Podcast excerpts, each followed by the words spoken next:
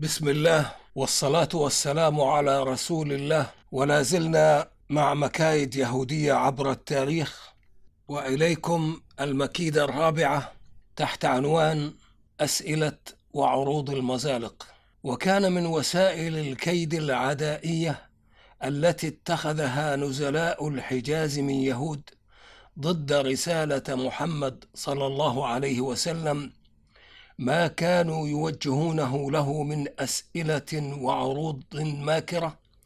نستطيع أن نسميها أسئلة المزالق وعروض المزالق وغرضهم منها أن ينزلق الرسول في إجابة باطلة حتى يتخذوها حجة عليه ويشهروا به ويفتنوا المسلمين عن اتباعه أو يستدرجوه فيحولوه عن جوهر دعوته.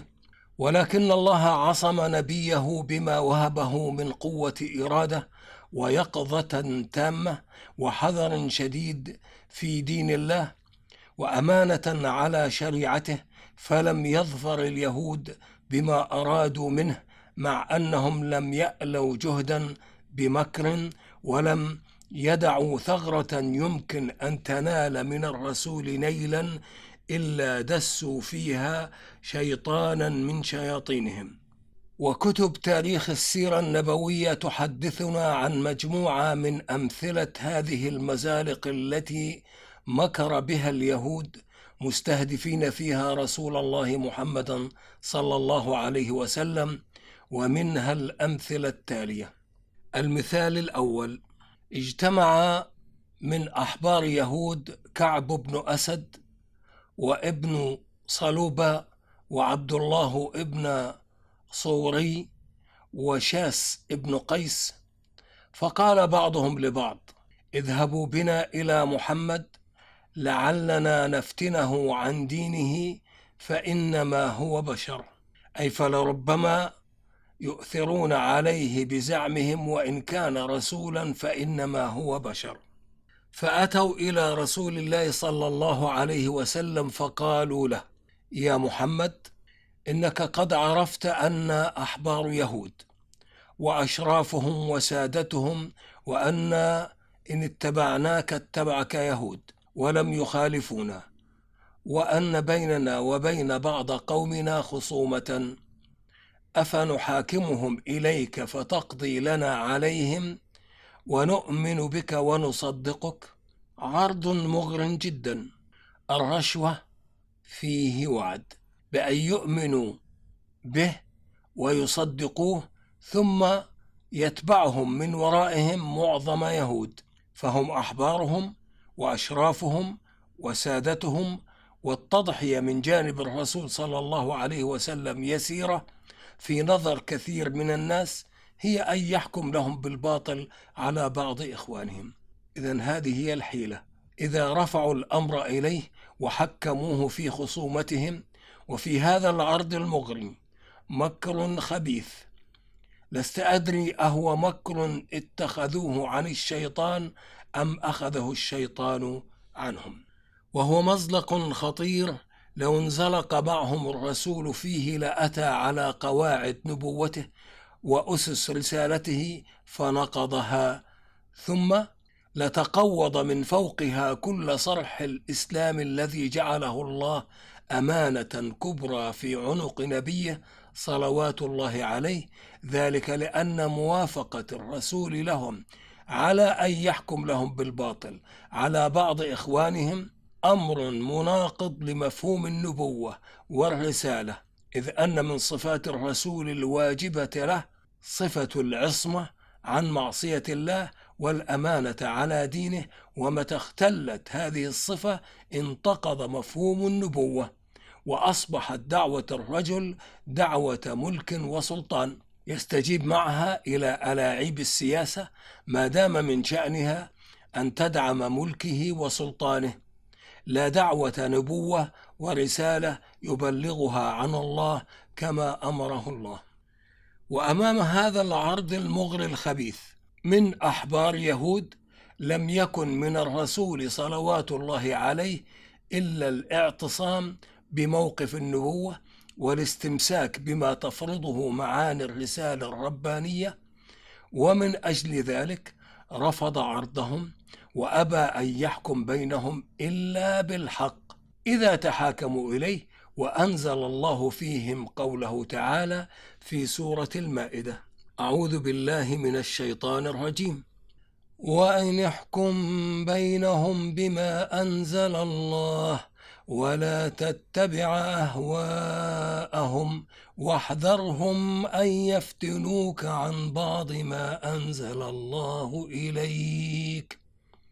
فإن تولوا فاعلم أنما يريد الله فاعلم أنما يريد الله أن يصيبهم ببعض ذنوبهم وأن كثيرا من الناس لفاسقون. أفحكم الجاهلية يبغون ومن أحسن من الله حكما لقوم يوقنون. الآيتان تسعة وأربعين وتسعة وخمسين من سورة المائدة. أما كلمة ومن أحسن أو ومن وفي قراءة ومن أحسن من الله حكما لقوم يوقنون. انتهى الآيات 49 و 50 من سورة المائدة. ولقد حددت هاتان الآيتان للرسول صلى الله عليه وسلم الموقف الذي يجب أن يثبت عنده أمام العروض المغرية الفاتنة التي يقدمها شياطين المكر والحيلة وعالجتا حالة الرسول النفسية وأشعرت اليهود بأن دعوة الرسول لهم إلى الإيمان إنما هي لإنقاذهم من العذاب لا ليقوي بأعدادهم سلطانه في الأرض حتى يقاسموها يقاسموه نفوذ السلطان ومنافعه ويكون لهم في الملك نصيب الوزير القوي الماكر. ففي قول الله تعالى وأن احكم بينهم بما أنزل الله تحديد من الله للموقف الدائم الذي يجب أن يثبت عليه في كل الأحوال وكذلك ينبغي أن يكون أتباع الرسول الصادقون. وفي قوله تعالى ولا تتبع أهواءهم واحذرهم أن يفتنوك عن بعض ما أنزل الله إليك معالجة لحالة الرسول النفسية وحالة نفوس المؤمنين التي قد يعرض لها بعض عوارض الاجتهادات الشخصية. فيخطر لها أن تتقبل تحمل بعض المخالفات الشرعية في سبيل تحقيق مصلحة لجماعة المسلمين. وهي في هذه الحادثة اجتلاب جمهور نزلاء الحجاز من يهود إلى الإسلام وفيه أيضا تنبيه الرسول صلى الله عليه وسلم إلى مكايد اليهود وتحذيره من أن يفتنوه عن دينه. وفي قوله تعالى فإن تولوا فاعلم أنما يريد الله أن يصيبهم ببعض ذنوبهم وإن كثيرا من الناس لفاسقون. إشعار لليهود بأن الرغبة بإسلامهم إنما هي لإنقاذهم من عذاب الله لا للتقوي بهم على بسط سلطان محمد في الأرض حتى يطمعوا بمقاسمته السلطان. وفيه أيضا تخفيف عن قلب الرسول الحريص على إيمانهم القلق عليهم الحزين من أجلهم مخافة أن يمسهم بكفرهم عذاب الله الشديد. وفي قوله تعالى أفحكم الجاهلية يبغون؟ ومن أحسن من الله حكما لقوم يوقنون. تبكيت لهؤلاء اليهود الذين طلبوا أن يحكم لهم رسول الله بالباطل وتنديد بطريقتهم وإقناعهم بأن حكم الله أحسن لهم وأفضل إن كانوا يوقنون بالله وبعدله وبجزائه. المثال الثاني أتى إلى رسول الله صلوات الله عليه سلام بن مشكم وهو من أحبار يهود بني النضير ورافع بن حارثة ورافع بن حريملة ومالك بن الضيف وهم من أحبار يهود بني قينقاع. فقالوا يا محمد ألست تزعم ألست تزعم أنك من ملة إبراهيم ودينه؟ وتؤمن بما عندنا من التوراة؟ وتشهد أنها من الله حق؟ سؤال من أسئلة تلبيس الحق بالباطل. لهم فيه هدفان وفي كل منهما مزلق من مزالق الفتنة في الدين. إذا ما هم هذان الهدفان؟ الهدف الأول أن يستدرج الرسول إلى اليهودية. وإن كان أملهم في هذا بعيدا لأنهم يعلمون أنه نبي مرسل فلا يمكن أن يتنازل عن دعوة أمر الله بتبليغها. الهدف الثاني أن يقتصر في رسالته على دعوة مشرك العرب إلى الإسلام ويكف عن دعوة اليهود إليه ويجعلهم بمعزل عنه ويعتبرهم على حق ويسلم لهم بجميع ما هم عليه ويتركهم وشأنهم يعبثون في دين الله ويعيثون في الأرض فسادا. وقد علم الرسول صلى الله عليه وسلم ما في سؤالهم هذا من مكر فقال لهم بلى أي أني على ملة إبراهيم ودينه وأؤمن بالتوراة وأشهد بأنها من الله حق. ثم قال ولكنكم أحدثتم وجحدتم ما فيها مما أخذ الله عليكم من الميثاق فيها وكتمتم منها ما أمرتم أن تبينوه للناس فبرئت من أحداثكم. أي لا أؤمن بالتحريفات التي أدخلتموها على التوراة وبذلك فرق لهم الرسول بين التوراة التي أنزلها الله على موسى وبين ما يزعمون أنه هو التوراة وفيه الشيء الكثير مما أحدثوه وابتدعوه وأدخلوه من تحريفات وتغييرات في كتاب الله من عند أنفسهم وبين لهم أنه لا يمكن أن يعتبرهم على حق وقد جحدوا بعض ما في التوراة فقد أخذ الله عليهم الميثاق فيها أن يؤمنوا بمحمد. متى بعثه الله وأمرهم فيها؟ أن يبينوا ذلك للناس ولا يكتموه. ولكنهم خالفوا أمر الله فكذبوا رسوله وكتموا ما أمرهم الله أن يبينوه للناس. فحق للرسول أن يتبرأ من أحداثهم الذي أحدثوه ويعتبرهم جاحدين ما أمرهم الله به خارجين عن صراط الهدى. فقال هذا الرهط من اليهود لرسول الله صلى الله عليه وسلم فإنا نأخذ بما في أيدينا فإنا على الهدى والحق ولا نؤمن بك ولا نتبعك. ودعوى أنهم على الهدى والحق دعوى باطلة يدعونها لأنفسهم ويرتبون عليها رفض إيمانهم بمحمد وجدال منهم لا يعتمد على منطق سليم يحاولون به أن ينتزعوا من الرسول اعترافا لهم بأنهم على الهدى والحق مع أنهم يصرون على تكذيب عيسى رسول الله والإنجيل الذي أنزله الله عليه ويصرون على تكذيب محمد رسول الله والقرآن الذي أنزله الله عليه وتكذيبهم بذلك تكذيب لله سبحانه وتعالى عما يفعلون. ذلك لأن الله هو الذي أرسلهما كما أرسل موسى من قبل وكما أرسل سائل المرسلين وقضية الإيمان قضية واحدة.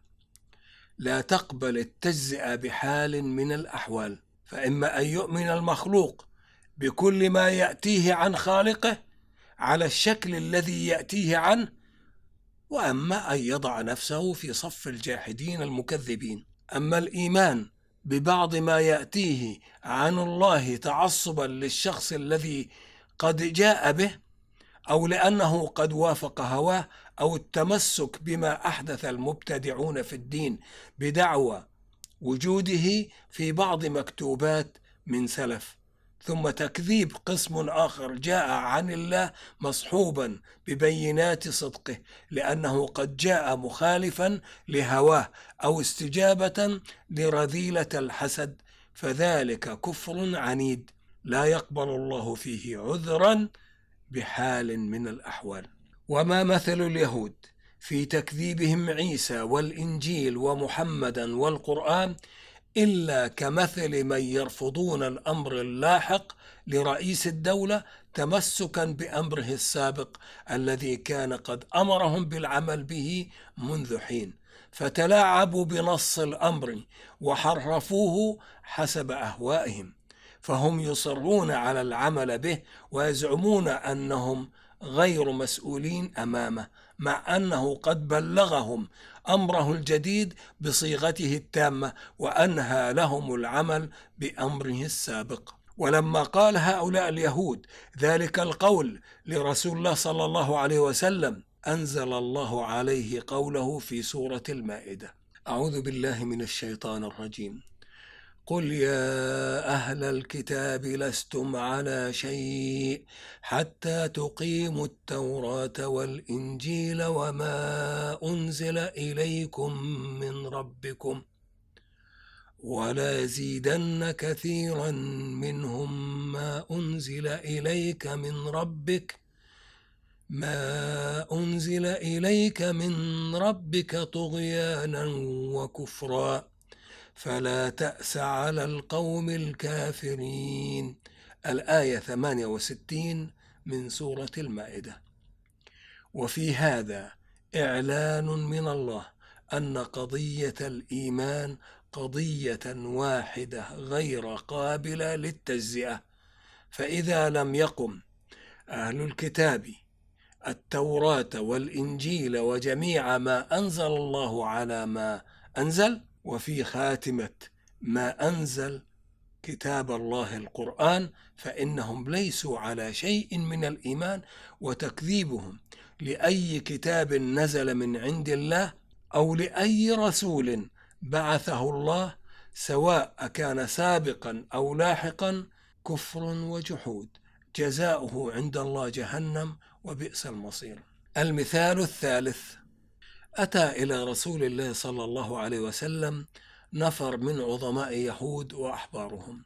منهم أبو ياسر ابن أخطب وهو من أحبار يهود بني النضير ونافع ابن أبي نافع وهو من أحبار يهود بني قريظة وزيد بن الحارث وعازر بن أبي عازر وخالد وأزار بن أبي أزار وهم من أحبار يهود بني قينقاع.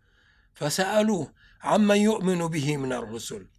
فقال رسول الله صلى الله عليه وسلم نؤمن بالله وما أنزل إلينا وما أنزل إلى إبراهيم وإسماعيل وإسحاق ويعقوب والاسباط وما أوتي موسى وعيسى وما أوتي النبيون من ربهم لا نفرق بين أحد منهم ونحن له مسلمون.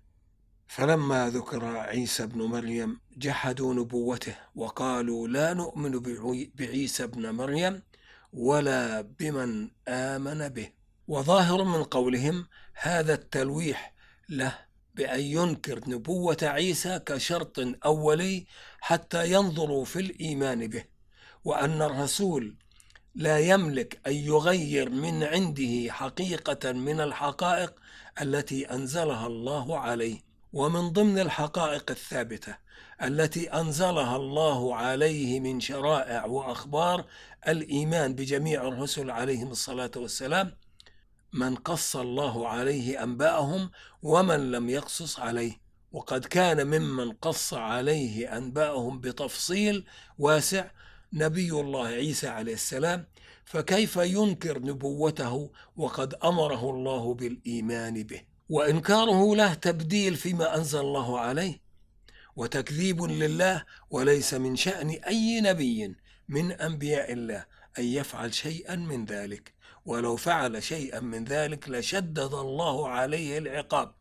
بل ليس من شأن آحاد المؤمنين الصادقين أن يفعلوا شيئا من ذلك وإلا كانوا كافرين بشرائع الله مكذبين له. فكيف بمن اصطفاه الله لخاتمة رسالاته السماوية وحمله رسالة عامة لجميع الناس وأمره بتبليغها وعدم كتمان شيء منها إذ قال له في سورة المائدة أعوذ بالله من الشيطان الرجيم. يا أيها الرسول بلغ ما أنزل إليك من ربك وإن لم تفعل وإن لم تفعل فما بلغت رسالته والله يعصمك من الناس. الآية 67 من سورة المائدة. أفينكر محمد رسول الله بعد هذا نبوة عيسى عليه السلام؟ أو يكتمها ويخالف في ذلك أمر الله؟ ابتغاء مرضات اليهود الذين يحاولون أن يضعوا في طريق دعوة الرسول صلى الله عليه وسلم المزالق ليفتنوه في الدين. ولما قال هؤلاء النفر من اليهود مقالتهم لا نؤمن بعيسى ابن مريم ولا بمن آمن به أنزل الله تعالى على رسوله فيهم قوله في سورة المائدة. أعوذ بالله من الشيطان الرجيم. قل يا أهل الكتاب هل تنقمون منا إلا أن آمنا بالله؟ إلا أن آمنا بالله وما أنزل إلينا وما أنزل من قبل وأن أكثركم فاسقون. الآية 59 من سورة المائدة. فكشف الله في هذه الآية أنه ليس لدى اليهود أي مبرر لأن ينقموا على محمد ودعوته وأن يجحدوا رسالته غير أنه آمن بالله وبجميع ما أنزل الله إليه وبجميع ما أنزل الله على رسله من قبل. وأي شيء من ذلك يعتبر مبررا للنقمة أو سببا داعيا لها في منطق الذين يدعون أنهم يؤمنون بالله. هذه هي الحقيقة الناصعة الدامغة لليهود. أما الإيمان بعيسى فقضية جحدها أسلافهم وقد كان عليهم إلا أن يتابعوا حمل أوزارها بالتقليد والتعصب الأعمى والأنانية الضيقة بل كانوا من واجبهم بعد أن أضاء لهم نور الإسلام طريق السداد أن يصححوا الخطيئة التاريخية التي بدأها الأولون منهم بغيا وحسدا والتزمت بها أجيالهم متتابعة. أنانية وتعصبا فجرت عليهم ويلات كثيرة. وسخطا من الله عظيما. وكان من واجبهم أن ينظفوا أنفسهم من الجهالات الموروثة والكفر المترسب المتعفن بالتقادم. ويؤمن برسالة عيسى عليه السلام.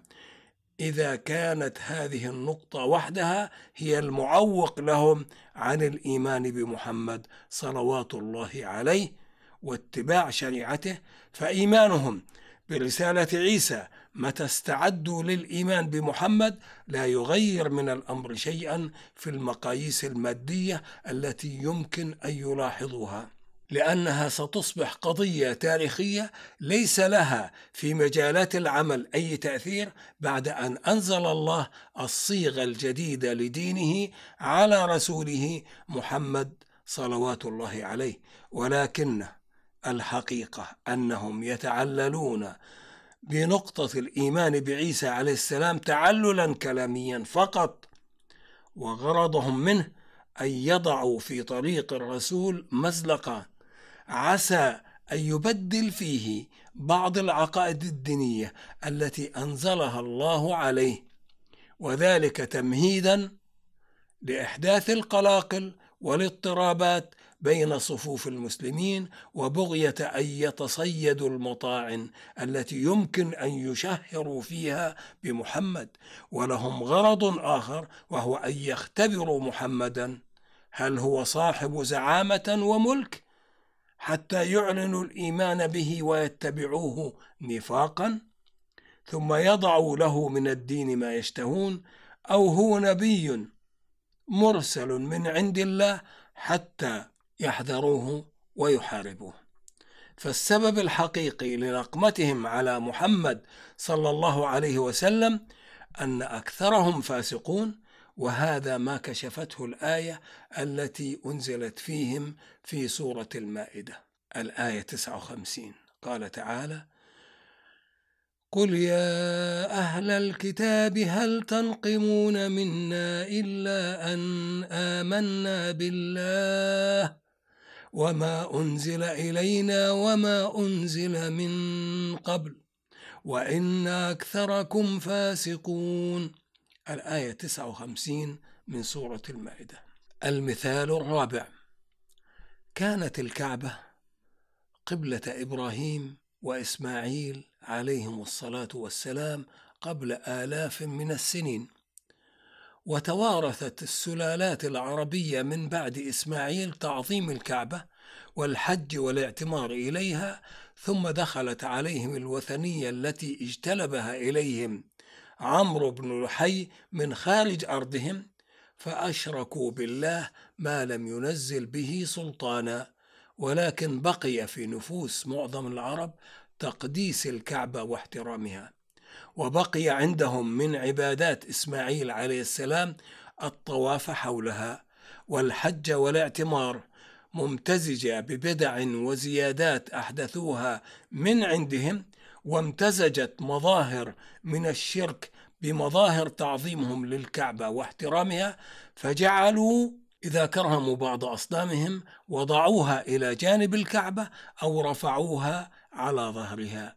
وتحولت الكعبة البيت الحرام في نفوس الوثنيين من بيت عباده لله يرتبط احترامه بأن الله قد جعله مكانا لعبادته وحده. مطهرا من كل آثار الشرك ومظاهره للطائفين والعاكفين والركع السجود. وأصبحت الكعبة في نفوسهم مكانا له قداسة ذاتية شبيهة بالأوهام التي سيطرت على نفوسهم في تقديس أوثانهم وأصنامهم. وظهر الإسلام في مكة وقاوم الشرك وسفه أحلام المشركين الذين يعبدون أوثانهم ويلتمسون نفعها ويخشون ضرها وشرع الله وشرع الله الصلاة للمسلمين وجعل الكعبة قبلتهم وأقر ما بقي في العرب من موروثاتهم الصحيحة عن إسماعيل عليه السلام كالحج والعمرة والطواف حول الكعبة وبقيت الكعبة قبلة المسلمين. هذا على أصح الأقوال عند أهل التفسير. حتى هاجر الرسول صلوات الله عليه إلى المدينة وقلوب المهاجرين متعلقة بمكة وبيت الله فيها حتى أن الرسول صلى الله عليه وسلم روي عنه أنه عندما خرج من مكة مهاجرا وقف وتطلع إليها وقال والله إنك لخير أرض الله وأحب أرض الله إلى الله ولولا أني أخرجت منك ما خرجت وشاءت حكمة الله أن يزيل من قلوب العرب المسلمين آخر معنى من معاني التقديس الذاتي للكعبة.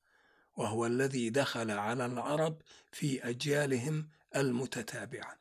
وأن يصحح مفاهيمهم عن أمكنة العبادة وأن يبقي في المسلمين مثلا عمليا ماثورا فشرع الله لهم أن يتوجهوا في صلاتهم شطر بيت المقدس وأعلمهم أن الجهات كلها لله مشرقها ومغربها وما سواهما.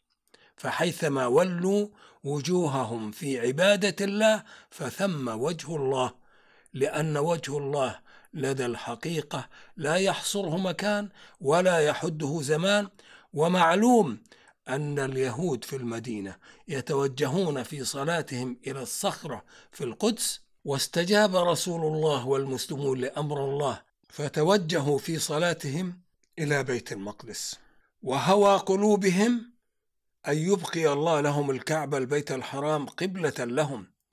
وظن اليهود أن هذا الأمر قد كان استرضاء لهم من محمد ليتألف قلوبهم إلى اتباعه والإيمان به.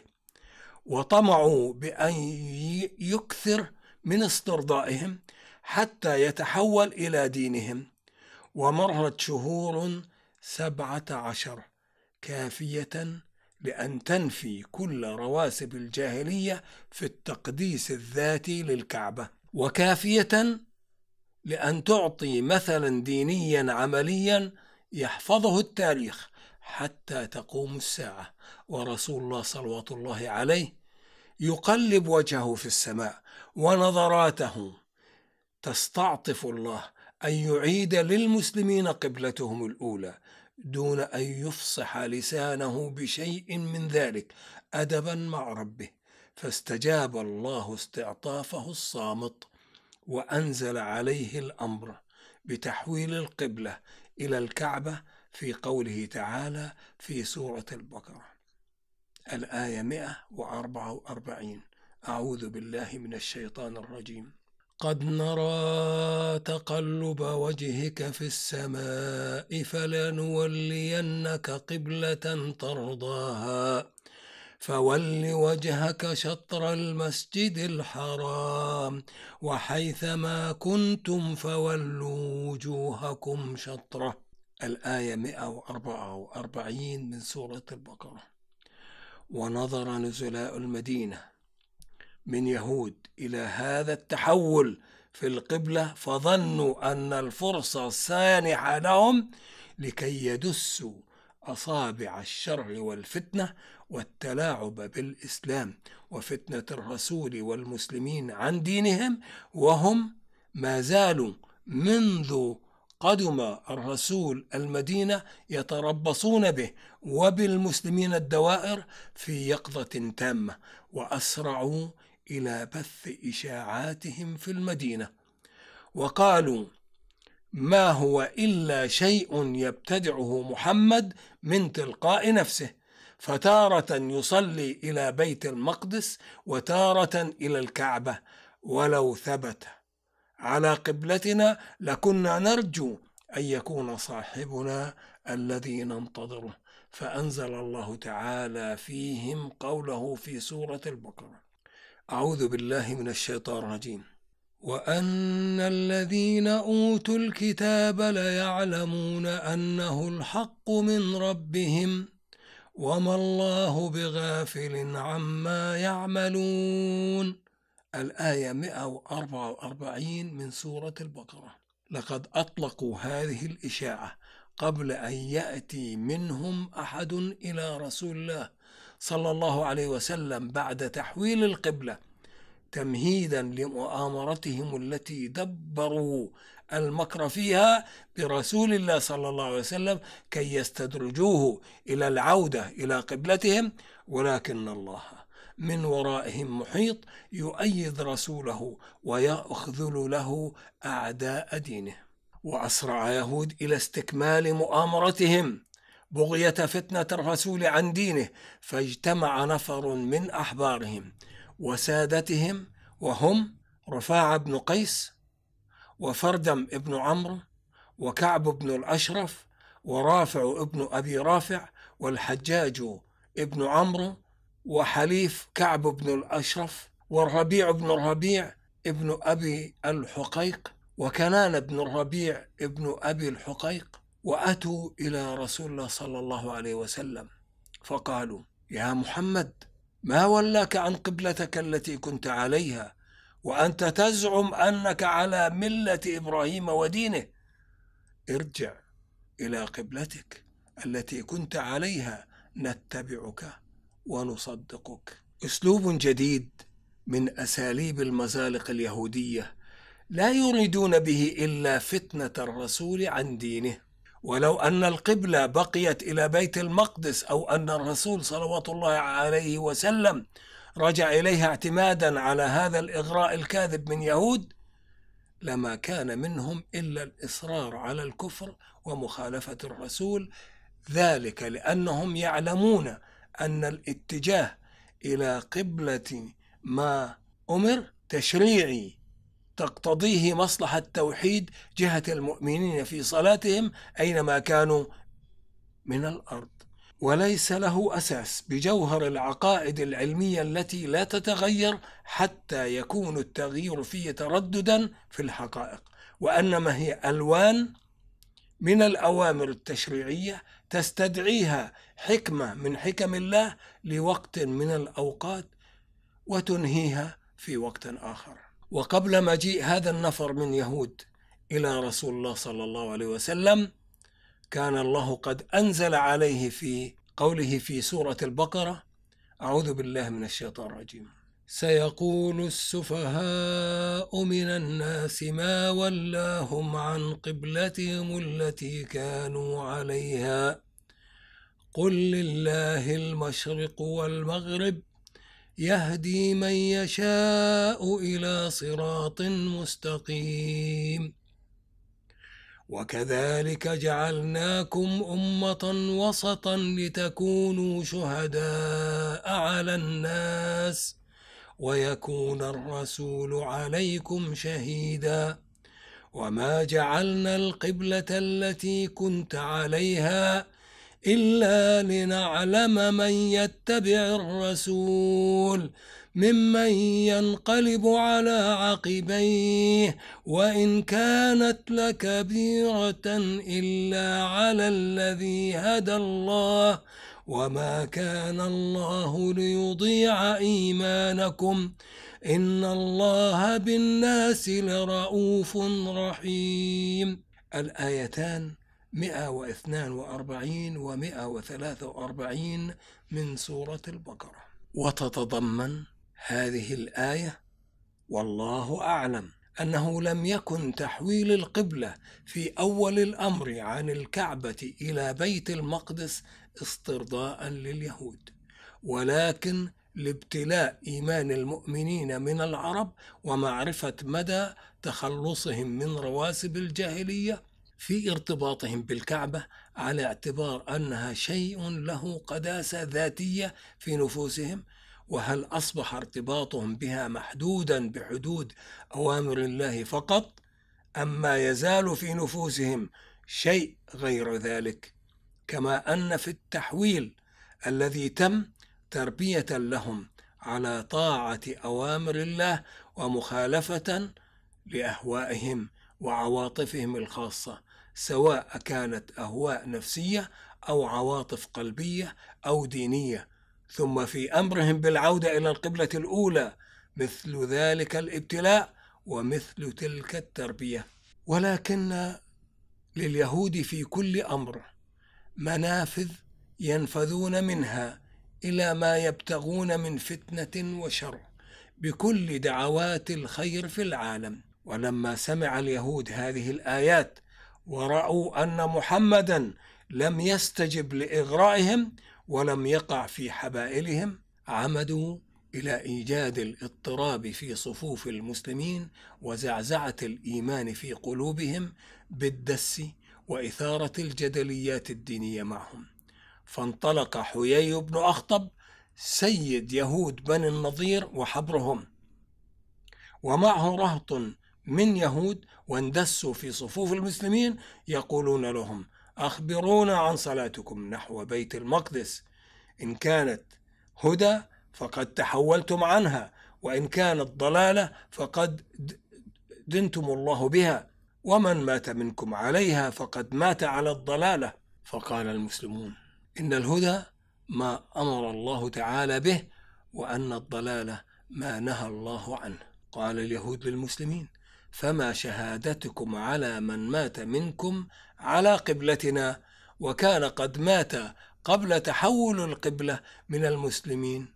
مثل أسعد بن زرارة من بني النجار والبراء ابن معرور من بني سلمة وكان من النقباء.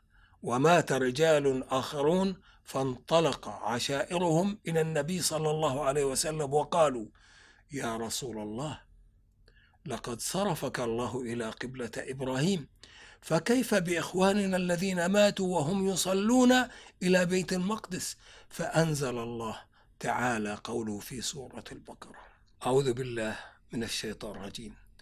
وما جعلنا القبلة التي كنت عليها إلا لنعلم من يتبع الرسول ممن ينقلب على عقبيه وإن كانت لكبيرة إلا على الذين هدى الله وما كان الله ليضيع إيمانكم إن الله بالناس لرؤوف رحيم الآية 143 من سورة البقرة. فقوله تعالى وما كان الله ليضيع إيمانكم أي وما كان الله ليضيع صلاتكم التي صليتموها لله متوجهين فيها إلى بيت المقدس. وقد أطلق الله على الصلاة اسم الإيمان لأن الصلاة مظهر من مظاهر الإيمان بالله. مهما كانت الجهة التي أمر الله بالتوجه إليها واتخاذها قبلة في الصلاة وأن الله لا يضيع أجر الإيمان الصادق الذي دلت عليه مظاهر الأعمال. المثال الخامس. اجتمع عند رسول الله صلوات الله عليه أحبار من يهود ووفد من نصارى نجران فدعاهم الرسول إلى الإسلام. فانتهز أحد أحبار يهود بني قريظة وكنيته أبو رافع وجود وفد نصارى نجران لدس فتنته وإغرائه. على الطريقة اليهودية المعروفة قال أتريد منا يا محمد أن نعبدك كما تعبد النصارى عيسى بن مريم؟ ويظهر أن لهذا الحبر اليهودي القرظي عدة أغراض شيطانية من هذا السؤال الخبيث. الذي ألقاه على الرسول صلوات الله عليه وسلم مستغلا به وجود وفد نصارى نجران ذلك لأنه من أهل المدينة. ويعلم علم اليقين ما هي أسس دعوة محمد صلى الله عليه وسلم. فقد سمع الرسول صلى الله عليه وسلم أكثر من مرة يدعو إلى عبادة الله وحده لا شريك له وعرف أن الرسول لم يذكر للناس أكثر من أنه نبي مرسل من عند الله.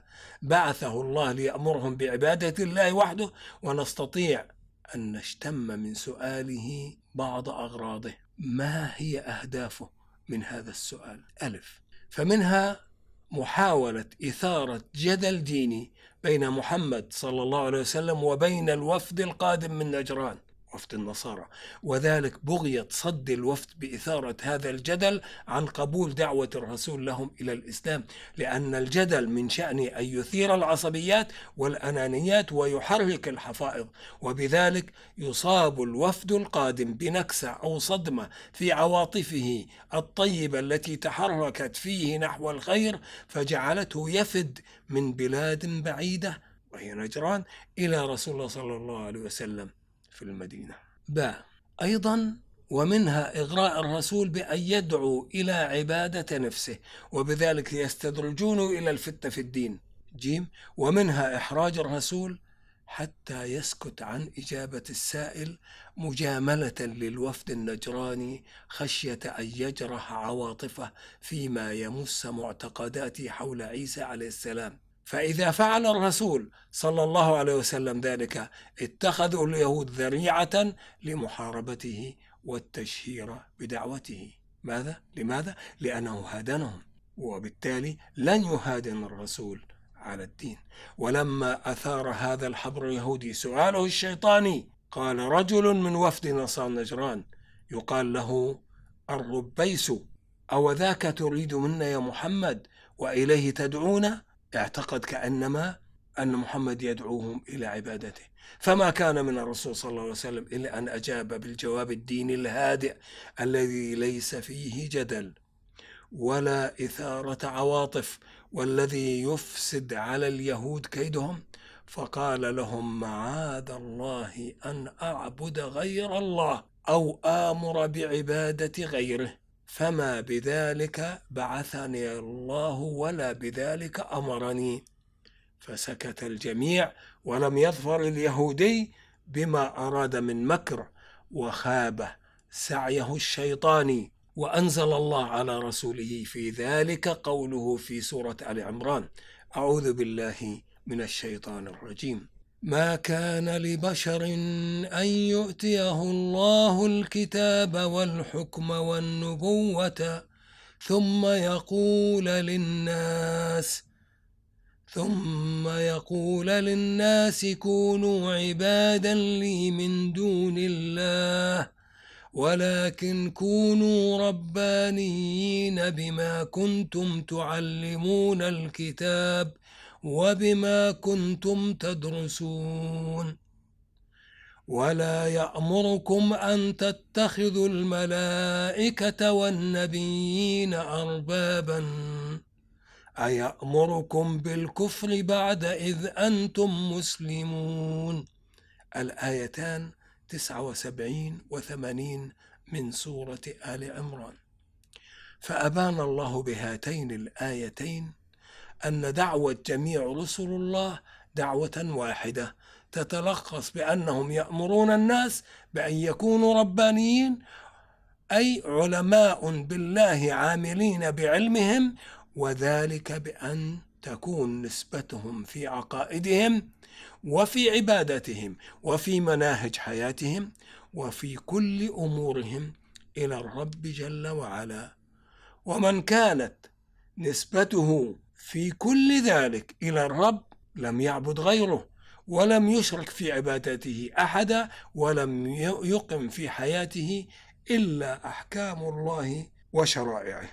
ومن ضمن هؤلاء الرسل الذين دعوا الناس إلى أن يكونوا ربانيين عيسى عليه السلام فقد ألح على أحبار بني إسرائيل وعلمائهم أن يكونوا ربانيين لأنهم أحرى الناس بالتزام هذا المنهج الديني بسبب أنهم يحتلون مناصب تعليم الجاهلين ما أنزل الله على أنبيائهم من كتب وبسبب أنهم يدرسون الكتب الدينية التي تبين لهم واجبات الإنسان الرباني وهي أن يتبع علمه بالعمل والتطبيق. إذا هذا العلم لابد أن يتبع بالعمل والتطبيق لا أن يستغل علمه للتلاعب بالدين. وتحريف نصوصه حسب أهوائه.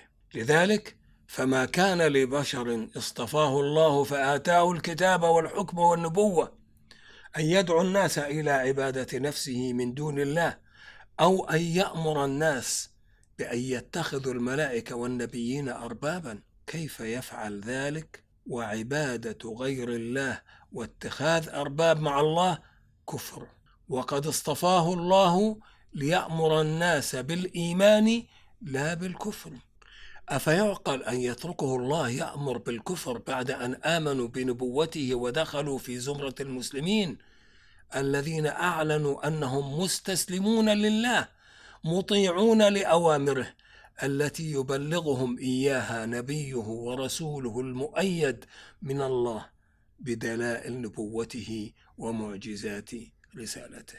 المثال السادس محاولتهم استدراج الرسول صلى الله عليه وسلم حتى يكون ملكا بدل أن يكون نبيا مرسلا ليتبعوه في ملكه ثم ليصرفوا الملك على ما يشتهون فلم يظفروا بمحاولتهم هذه لأن محمدا نبي الله ورسوله حقا فهو معصوم بعصمة الله له ولو وضعوا ملك يمينه ما يمتد إليه ضياء الشمس ونور القمر بين يديه ما تحول عن رسالته التي حمله الله أعباءها وأمره بتبليغها.